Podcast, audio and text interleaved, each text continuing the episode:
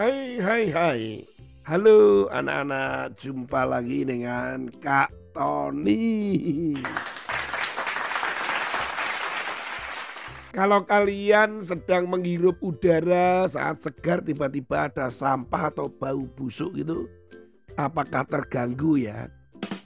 Atau ada yang malah begini Hmm bau busuk itu harum Semua orang kalau membau bau busuk pasti keberatan dan pasti tidak bertahan lama. Bau busuk dari asalnya aja banyak.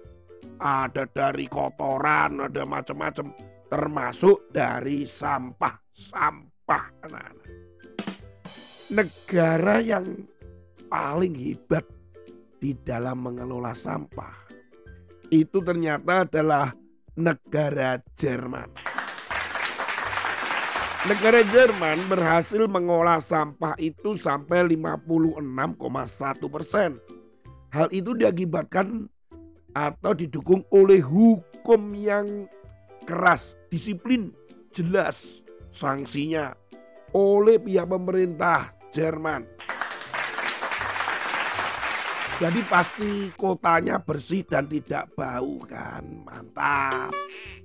Nomor dua, yaitu Korea Selatan. Korea Selatan berhasil mengelola atau mendaur ulang sampah itu 53,7 persen.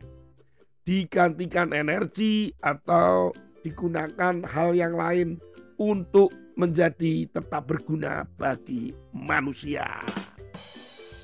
Apa yang dilakukan sama pemilahan sampah-sampah yang dilakukan oleh masyarakat, dididik, diajar, didisiplinkan dengan hukum yang berlaku di Korea Selatan. Hebat Korea Selatan.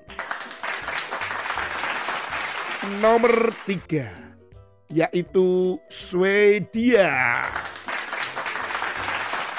Swedia termasuk negara kaya di Eropa pun berhasil mendaur ulang sampahnya sampai 49,7 persen.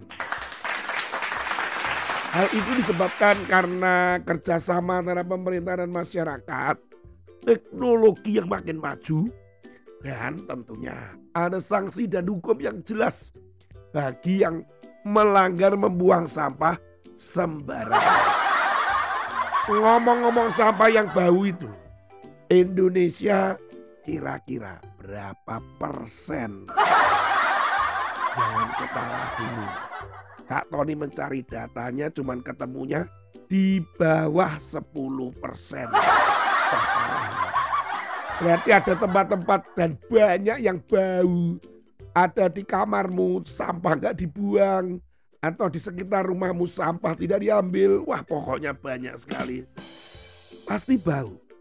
Baunya harum. Maksud saya baunya busuk sampah ya. Bahkan ada penyakit yang hobinya itu mengumpulkan sampah di rumahnya atau di kamarnya. Penyakit itu namanya adalah hoarding disorder. Ini hobinya itu adalah mengumpulkan sampah-sampah barang-barang tidak berguna begitu. Karena berpikir bahwa sampah-sampah itu nantinya akan berguna gitu. Tapi ya numpuk menumpuk menumpuk jadi sampah dan bau sekali rumahnya. Ngomong-ngomong masalah bau-bau bau itu, manusia itu senang dengan bau-bau wangi. Firman Tuhan hari ini Amsal pasal 27 ayat yang ke-9. Minyak dan wangi-wangian menyukakan hati tetapi penderitaan merobek jiwa. Bagaimana kita hidup itu bisa menjadi ya parfum lah. Jangan jadi sampah buat orang lain. Perbuatan kita bisa jadi sampah, perkataan kita bisa jadi sampah.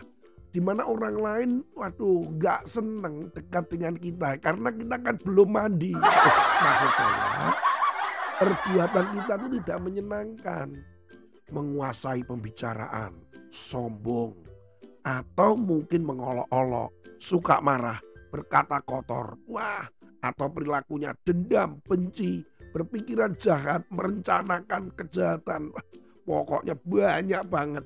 Itu sebenarnya adalah sampah yang baunya busuk di antara teman-temanmu. Itu yang pertama, hati-hati.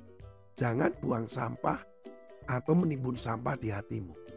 Yang kedua, mari kita menjadi keharuman di hadapan Tuhan dong. Kenapa demikian? Karena Tuhan juga senang. Hmm, ada harum di dalam hidup kita. Apa itu? Ujian dan penyembahanmu. Bagaimana kau memuji menyembah Tuhan? Itu seperti dupa yang harum. Hmm, mantap. Tuhan Yesus pasti senang. Dia mengharum saat kau memuji, menyembah Tuhan. Saat engkau memuliakan Tuhan, meninggikan dia, menghormati dia. Itu seperti dupa yang harum saat kita menyembah. Weh, jadi membaca firman harus. Tapi kita bisa tambah dengan memuji Tuhan, memuliakan Tuhan. Tidak perlu kalian bisa main musik, sekarang ini sudah canggih. Kalian bisa menggunakan YouTube atau channel-channel audio musik penyembahan yang lain. Jadi jadilah parfum. ya, ya, ya wangi-wangi itu. Jangan jadi sampah baunya yang busuk buat orang lain. Tuhan Yesus memberkati. Sampai ketemu dengan Kak Tony di episode yang lain.